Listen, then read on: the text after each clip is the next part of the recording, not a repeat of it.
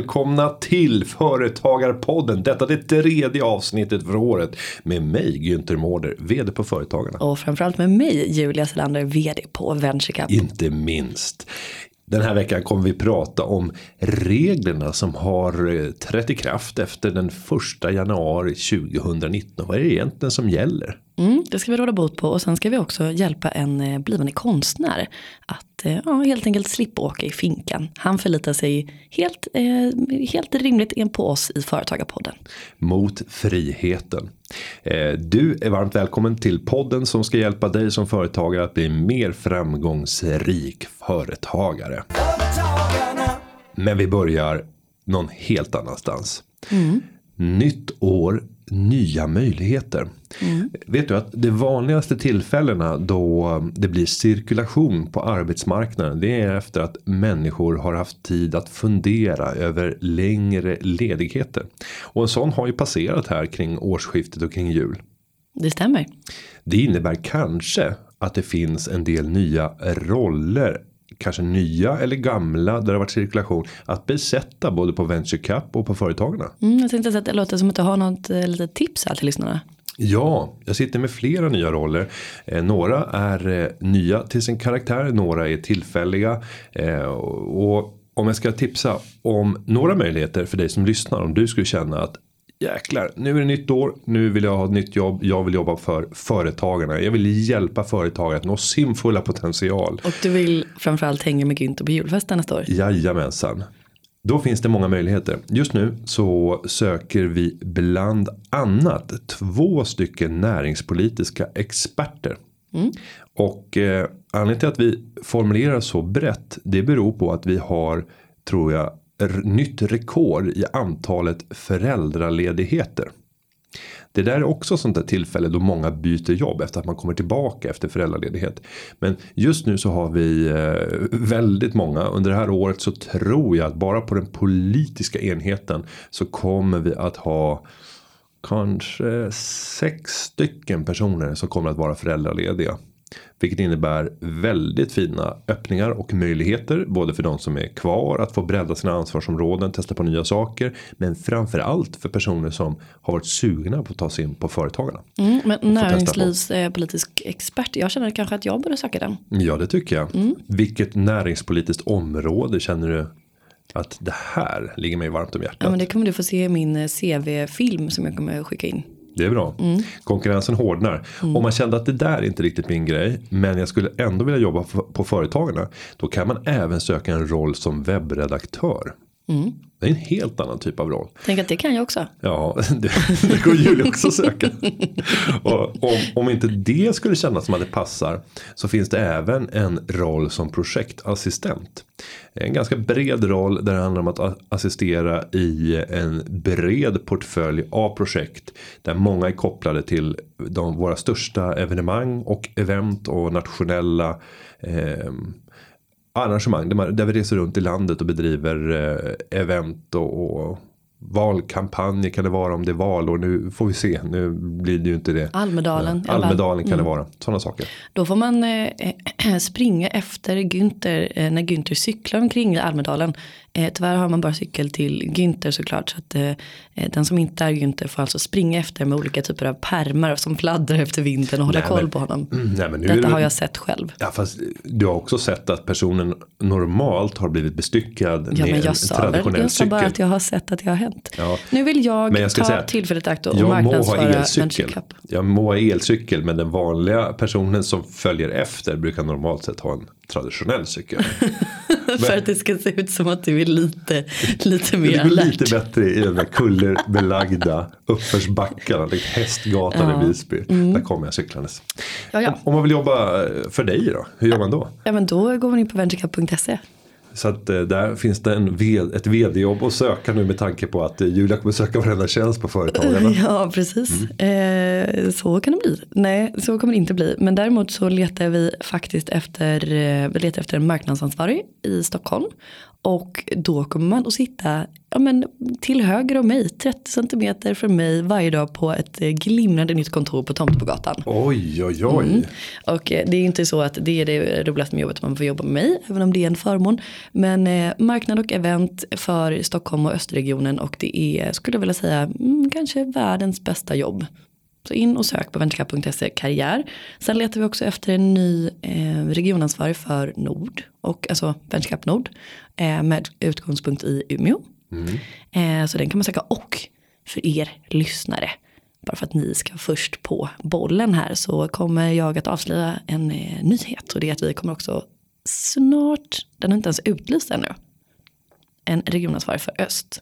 Eh, för att nackdelen med att anställa eh, entreprenörer eh, är ju också att ibland så går det så pass bra för deras egna bolag som de driver på sidan om att de exempelvis får olika typer av erbjudanden och eh, flyttar utomlands med bolaget och detta har hänt.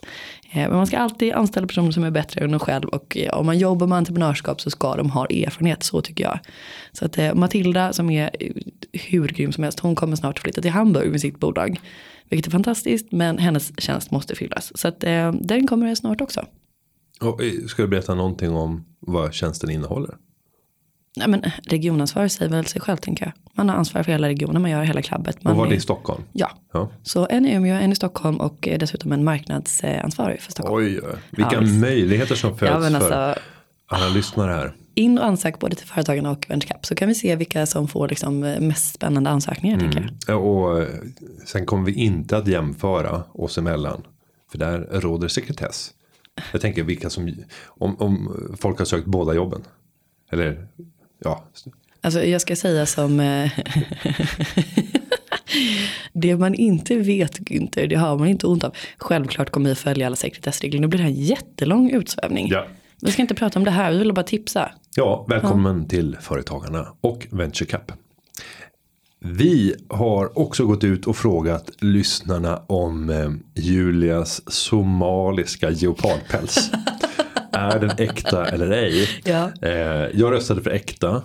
Jag röstade också för äkta. Mm, för att jag känner ju att den är oljig när jag bär den. Ja. Men, men, men, lyssnarna tror inte riktigt att den är äkta. Nej, det verkar Vilket inte så. kanske glädjer dig då. Ja, och då tänker jag att jag kommer undan om jag skulle bli påhoppad av någon galning som liksom skvätter färg på mig eller på stan. Då kan jag stanna där och säga, hallå där.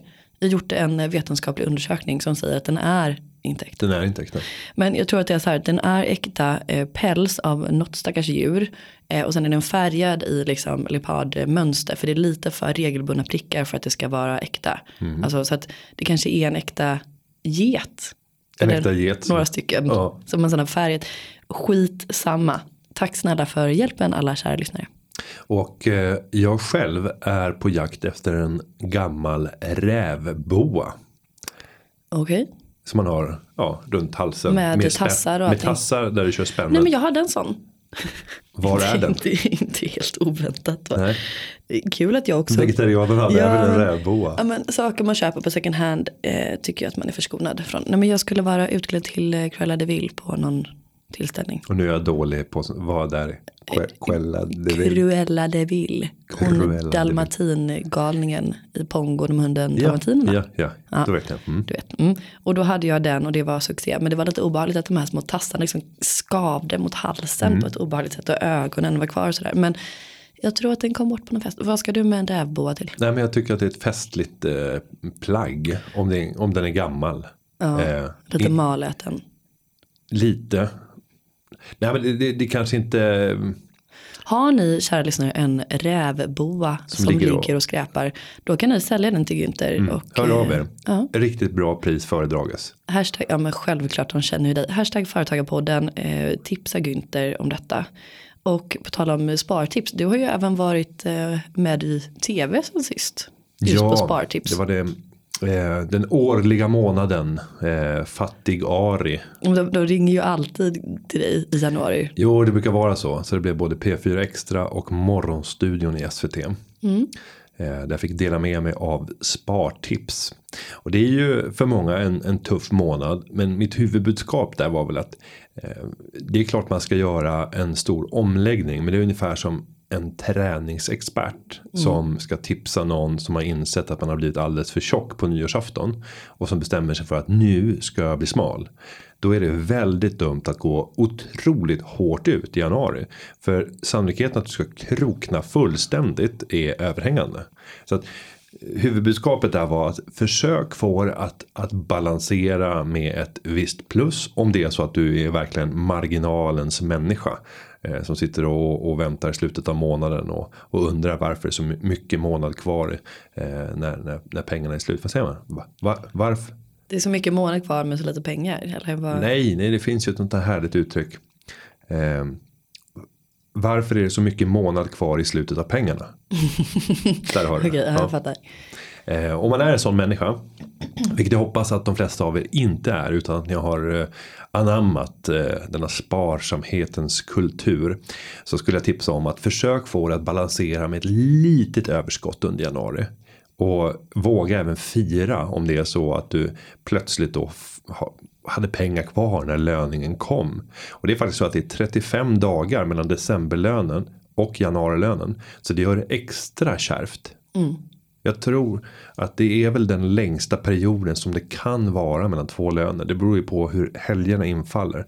Och nu inföll de inoptimalt. Man fick decemberlönen väldigt tidigt. Ja, så har man liksom köpt julklappar för januarilönen så blir det ju tufft. Eh, men jag tänker att februari kommer sen och den är bara 28 dagar. Ja. Ibland.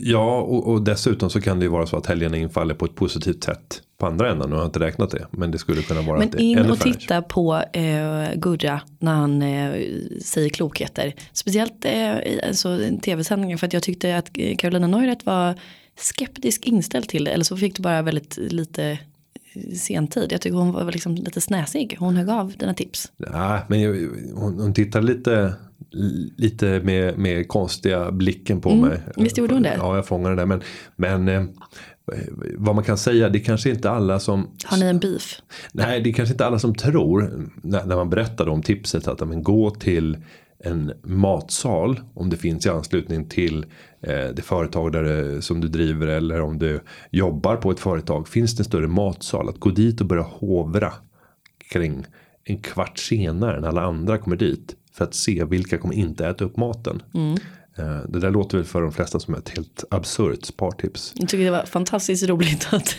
de sedan avslutade klippet med att du skulle gå och hämta mat just i deras tv Ja, jag åt ordentligt med mackor. Tog med mig en liten macka också med ägg på så att jag hade till, till lunch. Så att det blev en riktigt bra start på, på året. Härligt. Mm. Men jag kan också säga att jag har ju börjat året, eh, ja traditionsenligt tvärtom. Jag har ju börjat eh, lägga upp en plan för vad jag ska slösa. Oj då. Du kände att det behövdes. Det var dags nu. Eh, Jag tänker att det finns ju så mycket liv eh, för pengar då tänker jag. Det, det, det går ju först, äventyren går ju först och sen får sparet komma sen tänker jag. Mm.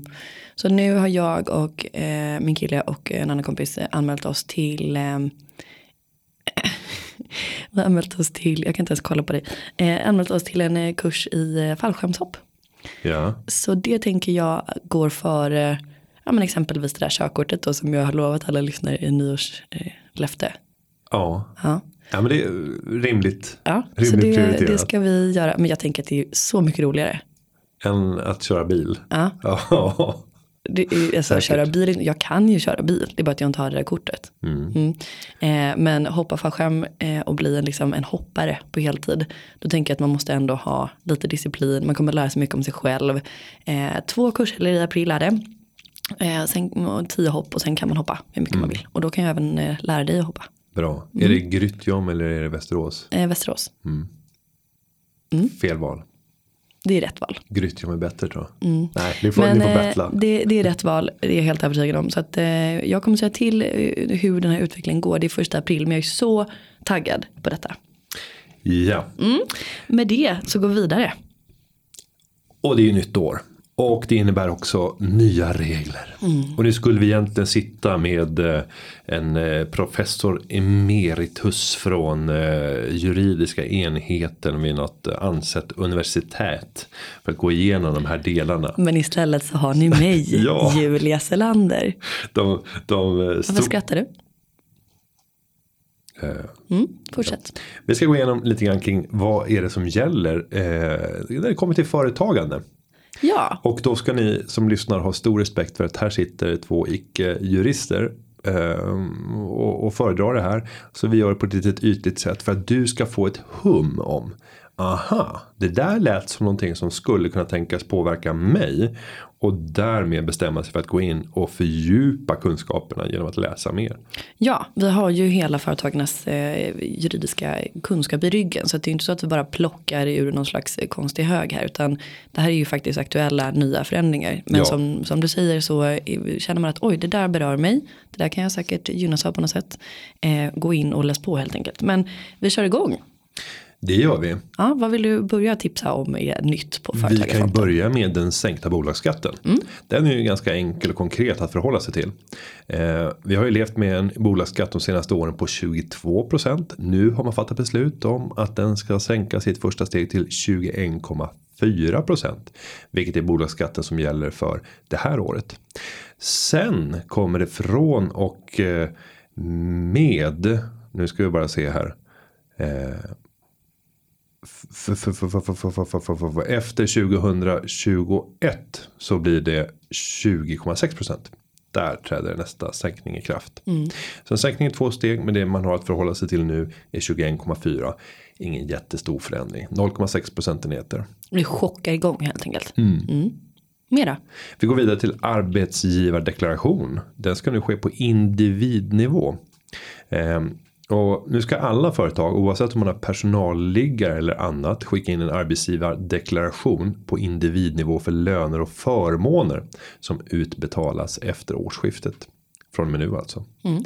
Ehm, Alla företag, gäller även det ideella organisationer? ja, alla som betalar ut löner.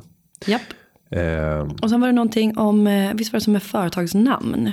Ja, och den här är nog. Eh, jag tror inte att det egentligen är så stora förändringar egentligen. Även om det är en ny lag om företagsnamn. Mm, då kanske det är mer en sån for your information. Ja, den ersätter den gamla firmalagen. Och det, den har varumärkeslagen som förebild. Anledningen till att man har gjort en lagändring här. Det är för att harmonisera våra regelverk med EUs varumärkesdirektiv. Och våra jurister hävdar att det är mest språkliga moderniseringar i den. Att det inte är några överdrivet stora förändringar. Eh, Men den nya lagen delas in i kapitel och ges en löpande paragrafnumrering i varje kapitel. Ah, härligt. Ja, nu har vi det att se fram Bara emot. ryser av välbehag i hela kroppen. Nej, men som jag förstår det och nu eh, med, med all reservation så är det inga dramatiska förändringar i lagstiftningen. Men lite lättare att läsa. det, Mm. men där det- Var, ju- det där var ju för övrigt kan jag gå tillbaka så här, min, min favoritändring. Det var 2006 när den nya aktiebolagslagen kom. Vänta, vänta, vänta. Min favoritlåt. Hej och välkommen till singelmarknaden. Här har vi en kandidat som heter Günther Mårder. Min favoritlagändring. Vad har du för favoritlagändring? 2006. Nej men den, den är otroligt Ah. lättläst. Om man ska ge sig kast med någon lag så skulle jag börja med aktiebolagslagen. Är man lite så här, ekonomiskt företagarskolad. Eh, men ändå inte har några juridiska kunskaper utan man är självlärd. Men man kan ändå några av de här begreppen som finns inom den juridiska företagsvärlden. Då är aktiebolagslagen faktiskt rätt lätt att läsa. Eh, Och då kan man läsa den tillsammans med förarbetena. Så att eh, det är ett lästips. Ja, tack snälla. Ja. Mm. Men sen så är det väl så att eh, vi har också någonting som händer på eh, spelmarknaden. Eh, Lotteriinspektionen byter namn till Spelinspektionen. ja, och det här är ju eh, i en större förändring där eh, spelmarknaden har öppnats upp och det har lämnats ut spellicenser till ett antal bolag så att det blir lagligt att bedriva spel från Sverige. Vi har ju sett att mängder av spelbolag som opererar, verkar i Sverige väljer att ha sitt säte på andra platser. På Malta. Ja, företrädesvis. Ehm, och nu ska inte det bli nödvändigt utan du får bedriva verksamheten och det innebär också och det här fick jag höra en debatt om här i helgen. Att eh, lagstiftningen kopplad till eh, marknadsföring har förändrats. I den nya marknadsföringslagen kopplat till spel så finns det att eh, marknadsföringen ska vara måttfull. Det där är ju alltid väldigt tydligt. Ja, och vi, och vi behöver ju inte vara som Sveriges Radio där jag hörde det här inslaget. Att man säger inte vilket spelbolag det handlar om. Men jag tänker bara på ett som gör jättemycket reklam nu. Goya! Ni- Ninja Casino! Och så få, få pengarna inom en ögonblinkning. Alltså spela mer, tjäna mer. Eh, och då hade vi en diskussion om där vi intervjuade en person och frågades bara skulle du definiera det här som måttfullt? Men de var överens om att just ordet måttfullhet är svårt att använda i lag. Ja, verkligen. Det, det, Vad är måttfull spelreklam? jag står ju bakom en ganska stark reglering av det här. Jag tycker att spel är ju, ja, det finns i alla fall en risk för missbruk på samma sätt som man kan missbruka allt annat. Och jag tycker att det ska vara just måttfullt. Understruket måttfullt. Sen, Sen är jag också kanske den som är minst intresserad av spel i hela Sverige. Så att jag tycker bara att det är vägen. jag såg någon siffra också.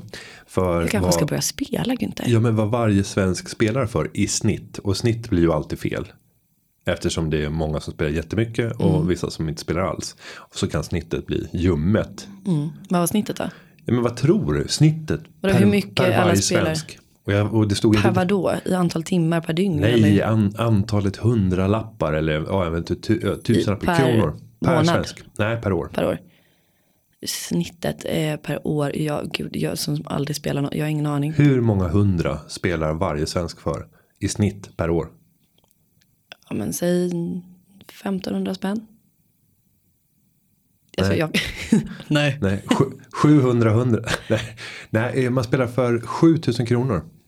Okej, ja. I snitt. Ja, och då med tanke på att Eh, Ja, för hur, 7000 kronor 7000 kronor. om året. Ja, Okej, men det var ju inte, alltså man slår ut det på 12 månader men man spelar ändå något. Men ja, ja mm. det, det, är, det, är väldigt, det är ändå mycket pengar. jo, men det är väldigt många som inte spelar något. ja, och då att tänker då tänker det, man de som spelar, spelar väldigt mycket. Ja, men och sen förtäljer inte den här uträkningen om man räknar med personer som till exempel garderar sig.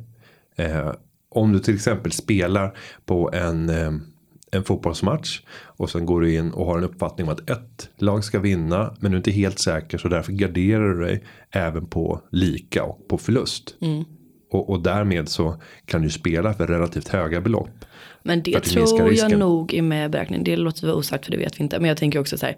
Okej men jag vet inte vem man tänker på när man tänker på en person som har utmaning med spelmissbruk. Men i den här undersökningen så borde man ju rimligen ta med även vilka som är med i Postkodlotteriet. Vilka som spelar på hästar. Vilka som, alltså man kan spela på allt. Jo, men Postkodlotteriet, jag tror inte man kommer upp till 7000 kronor per år va? Du, säg inte det. Nej. Det är dyrt som fasen, eller? Ja. Jag vet inte. Jag Vi- känner att det här är en marknad. avstånd. Vi tar För avstånd. företagarna tar avstånd ifrån eh, affärer där du med hjälp av slumpen ska tjäna stora pengar och där du har ett förväntat negativt värde så fort du sätter igång. Oj, nu fick du din politikerröst och blick. Jo, men jag blev lite myndig eh, här. Det blev myndighet. Ja, Mm. Nej men jag eh, vill också ta avstånd från spel. Men jag kände nu att eh, eftersom att jag vill göra allting som man inte får så känner jag att fan, jag ska börja spela. jag ska ja, börja spela I kanske. år är det min tur. Tipsa mig om vad jag ska börja spela på. Mm. Eh, ja, då går vi vidare. Vad har vi mer för någonting nytt på gång? Vi har tydligare och enklare detaljplanskrav. Mm, vad innebär det då? Och det innebär att det ska bli enklare att bedöma när en detaljplan krävs. Eh, och när en detaljplan inte krävs. Kraven på detaljplan är för en ny sammanhållen bebyggelse. Eh, och då är frågan när ska det vara bygglovspliktiga byggnadsverk och, och liknande. Det här är ju en, en fråga som jag har ägnat föga energi åt men som jag förstår såklart spelar en väldigt stor roll för alla som vill exploatera mark som man äger eller på något sätt förändra sin egen fastighet och, och liknande. Men det är också så att eh, attefallshusen, det visst är det en, en, eh, en begränsning på 25 kvadratmeter? 25, Ja, det ska bli 30 har jag hört. Eh, ja, det är, inte, det är inte från och med nu. Inte från och med i 2019. Ja men det har jag hört. Du har hört det. Men, ja, alla lyssnare. Julia har hört. Så att eh, när ni. Och du har hört att man inte ska behöva anmäla det här. Att det är inte anmälningspliktigt. Nej, men, och det är också viktigt att säga när det gäller attefallhus och, och liknande så måste du ju anmäla. Det är en, by, eh, en bygganmälan. Det krävs inte bygglov men du måste anmäla det. Jo, jo. Den där anmälan kostar ju olika beroende på vilken kommun det är och i vissa fall så är det jättedyrt. Eh, och där jobbar vi från företagarnas sida med att försöka harmonisera. För det är inte rimligt att det är liksom väsensskilda Jo, kostnader tycka. för exakt samma ärende. Beroende på vilken kommun man Ja är. men herregud om du har ett hus på Djurgården Ja, men- och ska bygga ett attefallshus. Ja, Då stör det ju alla som söndagspromenerar om du bankar upp ett hus där. Till skillnad om du bygger ett hus i skogen. Det är inte konstigare än så. Jo, och nu tillhör Djurgården och Stockholms jag har kommun. hört att Ja. det ska vara en lagändring. Så gå på det. Nej, ja, jo, jag, jag har också hört eh, viljan och intentionen om förändringen. Men med all ödmjukhet. Nej. Och nu kanske jag får äta upp min högra sko likt Annie Lööf Ja, det skulle vara göra nu. roligt. Eh, så mot bakgrund av att jag är verksam inom industrin för byggandet av komplementhus. Det, det är ingen som tycker att det är något underlag för så, något. så vore det rimligt om vi i styrelsen hade diskuterat den här frågan mot bakgrund av att Eller så har ni bara missat det. Lex Julia. Ja, Ja. Sen så kommer eh, radio och tv-avgift, public service-avgift kommer att ingå i skatten nu.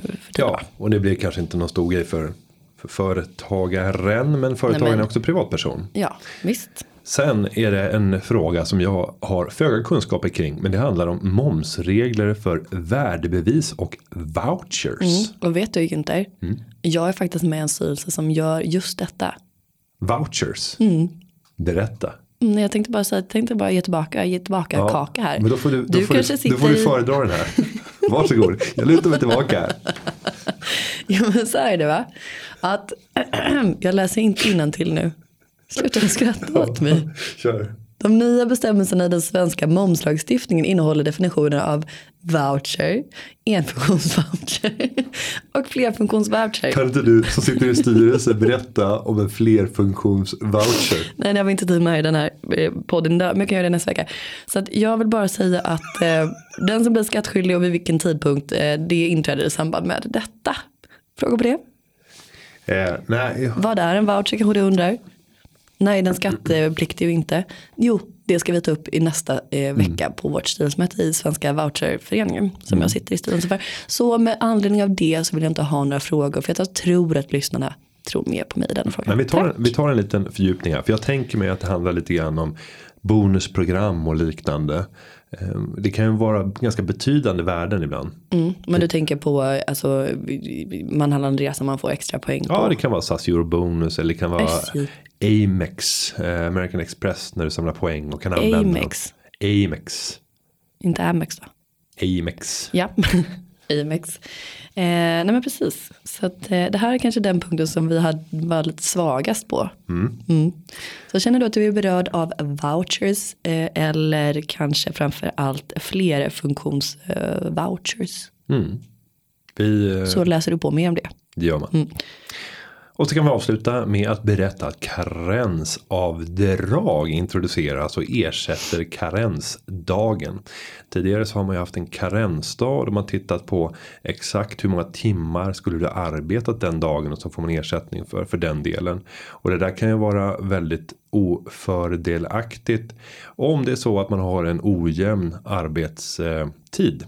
Det kan vara så att man jobbar två timmar ena dagen och sen så tio timmar andra dagen och, och så vidare. Nu försöker man balansera ut det här så att det blir en jämn ersättning eh, oavsett hur eh, vilken dag som du råkade bli sjuk. Mm. Och då vidare till en lyssnarfråga.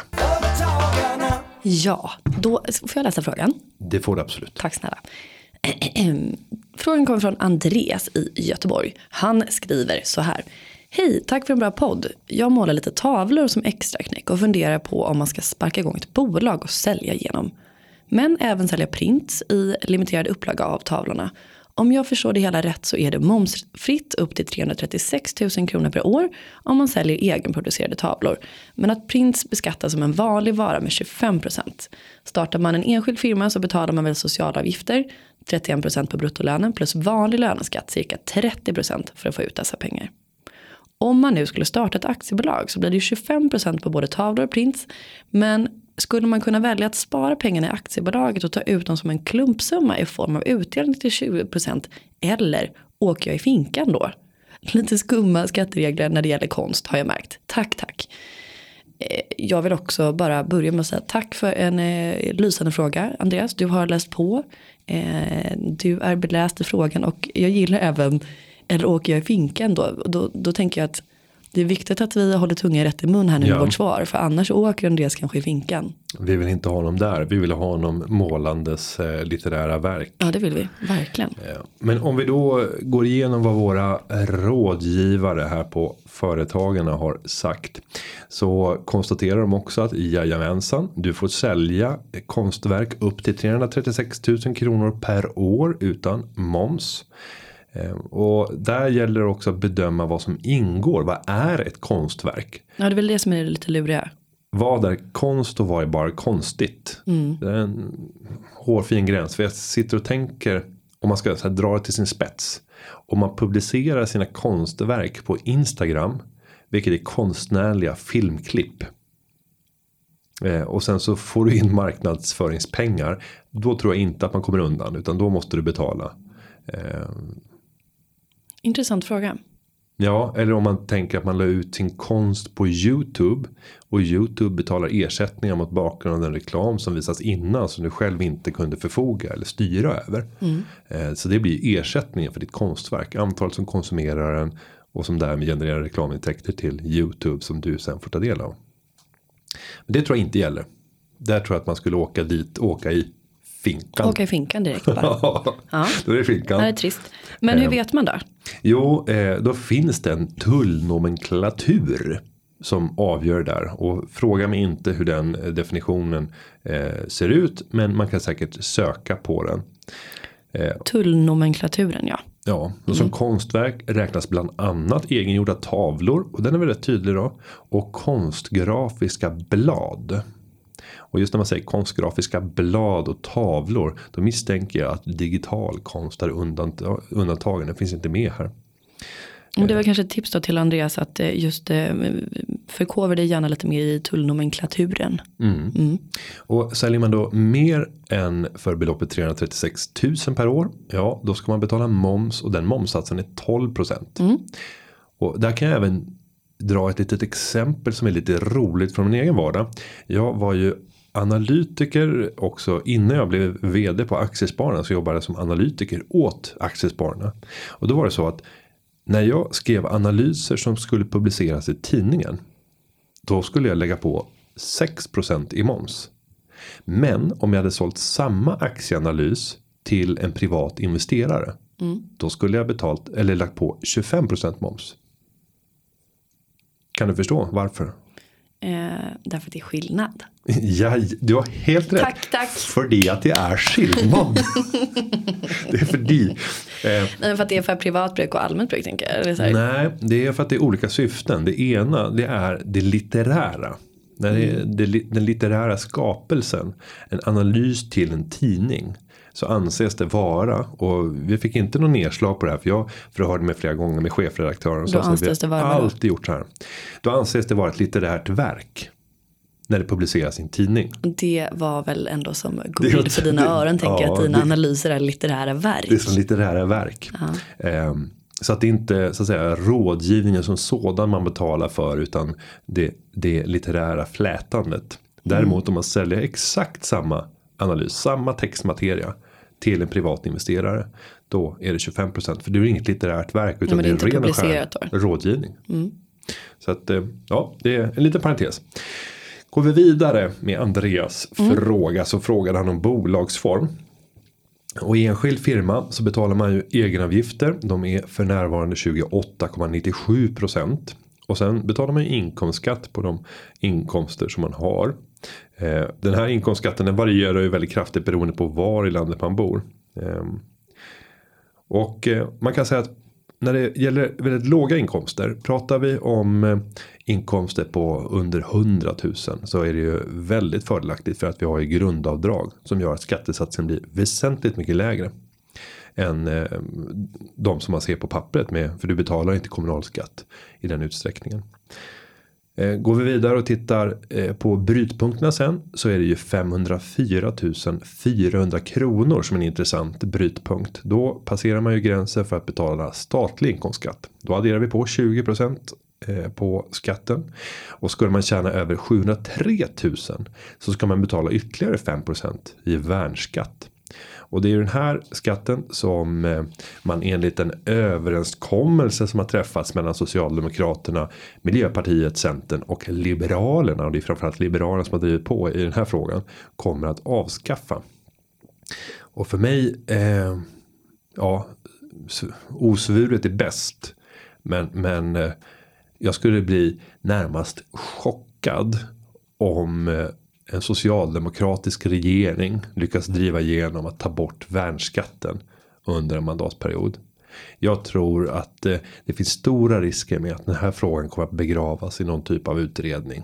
Och sen så kommer bara tiden gå och sen blir det en ny regering och sen faller frågan bort. Vi får se helt enkelt. Men det här gäller då för enskild firma. Ja. Jag tänker om han istället har ett aktiebolag. Ja, eh, om du istället tar ett aktiebolag så finns det inget momsfritt belopp för försäljning av egentillverkad konst och momsatsen är 25 Eh, den vinst som aktiebolaget gör kommer att beskattas med bolagsskatten som från och med i år är 21,4 procent. Jajamän, visst är det 21,4 procent. Eh, men då kan man säga att man kan använda fåmansbolagsreglerna för utdelning för att plocka ut värde ur bolaget. Och där är ju, eh, finns det ju en, en schablonregel som gör att du kan ge dig själv en utdelning på lite drygt 170 000 kronor under för 2019 eh, till 20% skatt. Eh, och det kan ju vara väldigt fördelaktigt sätt att plocka ut värden ur. Så handlar det om väldigt låga belopp så finns det om vi pratar om, om upp till 300 000 kronor om det är så. Mm. Eh, så, så han får då göra ett räkneexempel för att se exakt vad är, vad är mest fördelaktigt. Eh, för momsfrågan komplicerar ju om du har aktiebolaget. Där är det fördel enskild firma. Eh, tittar man vidare när det gäller att plocka ut pengar. Ja då är det en fördel att kunna använda de generösare utdelningsreglerna. Att kunna få 20% skatt på, på utdelning om det är upp till 173 000. Då kanske man kombinerar det med lön som gör att man får dra nytta av grundavdragen. Det görs avsättningar till allmän pension. Så det är ganska många parametrar att ta hänsyn till. Men jag tänker också att vi ska eh, skicka som medskick här till Andreas att eh, eh, så en ganska låg lön för ett extra knäck och dra in runt 300 000 om året. Det är ju otroligt bra. Ja, Speciellt det om det gäller konst tänker jag. Så att, eh, mm. kudos till Andreas. Eh, och sen så på svaret på frågan riskerar jag att åka i finkan då? Ja, hur är det med det egentligen? Jo men alltså begår du skattebrott så är svaret ja. Du riskerar att åka in i finkan helt enkelt. Men eh, som vi fått medskick här från juristerna varför begå skattebrott när man kan följa reglerna? Ja, det är så himla onödigt. Mm. Nej, men man kan säga att det är, det är ytterst ovanligt att man skulle åka i finkan. Ja, alltså det är väl eh, inte det första som nej, händer nej, om nej, du gör fel Andreas. Utan det, det, är väl snarare så att det blir något slags skattetillägg om du glömmer att redovisa något eller inte riktigt har haft koll på vad du har pysslat med. Och en, en fördel när man är osäker det är ju att alltid skriva i övriga upplysningar om hur man har tänkt. Mm. Sen så vet jag att det är vissa som drar sig för att skriva saker i övriga upplysningar i rutan. För att då om någon gång så vet man att man kommer bli granskad. Ja men det känns som att de gör en första sållning så här. Okej, okay, här har vi alla, vilka har skrivit något, de tar vi mm. och sen gör vi ett urval där. Att, Självklart är det så. Mm. Självklart är det så. Jo men det är väl klart att man skulle jobba på det sättet. Ja, ja, och vara själv. Man är ju inte dum och det är ju inte Skatteverket heller. Nej. Eh. Men, men, då riskerar man i alla fall inte att få skattetillägg. Eh, utan att det bara blir en korrigering där du tvingas betala den, den, den eh, riktiga skatten helt enkelt. Ja, men alltså, känner du dig osäker och känner du mot förmodan att det här uttömmande svaret som vi har gett dig Andreas inte riktigt är nog Eh, då är det också ett tips, nu ska jag göra reklam för företagen här, men är man medlem i Företagarna då kan man ju även eh, ringa till eh, rådgivningen på telefon 077 145 45 45. 0771 45 45 45 Är det- 0771 Nej, men sluta, 45 vad 45 45 Är det eh, eran jingel? Jag vet inte, jag gjorde det nu. Ja, Eh, det märktes inte alls. Nej. Åh. Åh. Nej, och, och eh, är man inte medlem så kan man också ringa det numret. Och så fixar de medlemskapet åt det förtjänstfullt. Gud så bra. Eh, jag undrar, en, en, alltså om man vill ställa en fråga till Företagarpodden så vet ju lyssnarna hur man gör vid det laget. Hur gör man då? Ja, då går man in på Twitter eller Instagram och använder hashtaggen Företagarpodden. Och om frågan är lite längre än de tecken som står till buds via de här två sociala kanalerna så kan man också använda företagarpodden.se. Där finns det ett formulär som man kan fylla i, vilket Andreas som ställde frågan idag har gjort. Och jag känner nästan att jag skulle vilja använda eh, hashtag Företagarpodden. Ja, vad vill du fråga? Jag vill fråga om jag har lunginflammation. Ja. Ska Kan, vi- kan vi svara på det? Vi gör en shoutout. Finns det någon läkare där? Det är ungefär som på flygplanet. när, när, man, när man först får att bara. Eh, då, är det alltid så, det är alltid en sån här röst. Eh, finns, det någon, eh, eh, finns det någon läkare ombord? Kan eh, en läkare kontakta cockpit? Och sen så efter så här. Finns det möjligtvis någon eh, pilot ombord? eh, även, Aj, aj, aj. Även andra pilot efterlyses. Bara, nej, nej! Men gud, det här har ju- skaka lite grann. Det här har ju aldrig hänt. Nej, men gör en shoutout. Ja, nej, men för att, jag, som ett exempel då när jag skrattade åt det här dummeriet som du håller på med. Då, då väser det i lungorna och gör ont på både fram och baksidan och ryggen. Och jag har ju haft influensa hela julen. Alltså jag, Får jag inta rollen som doktor? Jag det känns obehagligt. Men eh, ja. Det gör det. Och så får, sen får alla lyssnande läkare bedöma om, om jag ställer relevanta frågor. Om det bör kompletteras. Då kontaktar man Företagarpodden. Jag har väldigt ont i liksom bröstkorgen. Vad är det som har hänt? Jag har varit influensasjuk ungefär hela ledigheten. Mm. Varenda dag som jag inte har varit på jobbet har jag varit sjuk och sängliggandes med feber och hosta. Hostan har inte försvunnit, det har gått tio dagar. Hur kraftig har febern varit? Eh, inte så kraftig. Har du kunnat leva ett hyggligt normalt liv under den här perioden? Mm, inte första veckan för då var jag sängliggandes, kunde inte göra någonting. Men nu har jag varit tillbaka på mitt arbete. Mm. Jag Endast förstår. en, vecka tillbaka. Men jag lider fortfarande lite grann. Jag känner mig fortfarande sjuk i kroppen. Men jag går till mitt arbete ändå. Men jag har väsande lungor. Har du något annat besvär än väsande lungor? Det gör ont när jag skrattar åt min poddkollega Günther i var podden. gör det ont? Ja, i, i bröstkorgen, fram och bak. Fram det, gör ont, det gör ont när jag sträcker på mig. Mm. Om du tar ett, Tror du att ett, jag är ett, döende? ett djupt andetag så här. Hur känns det då? Ja, det gör väldigt ont.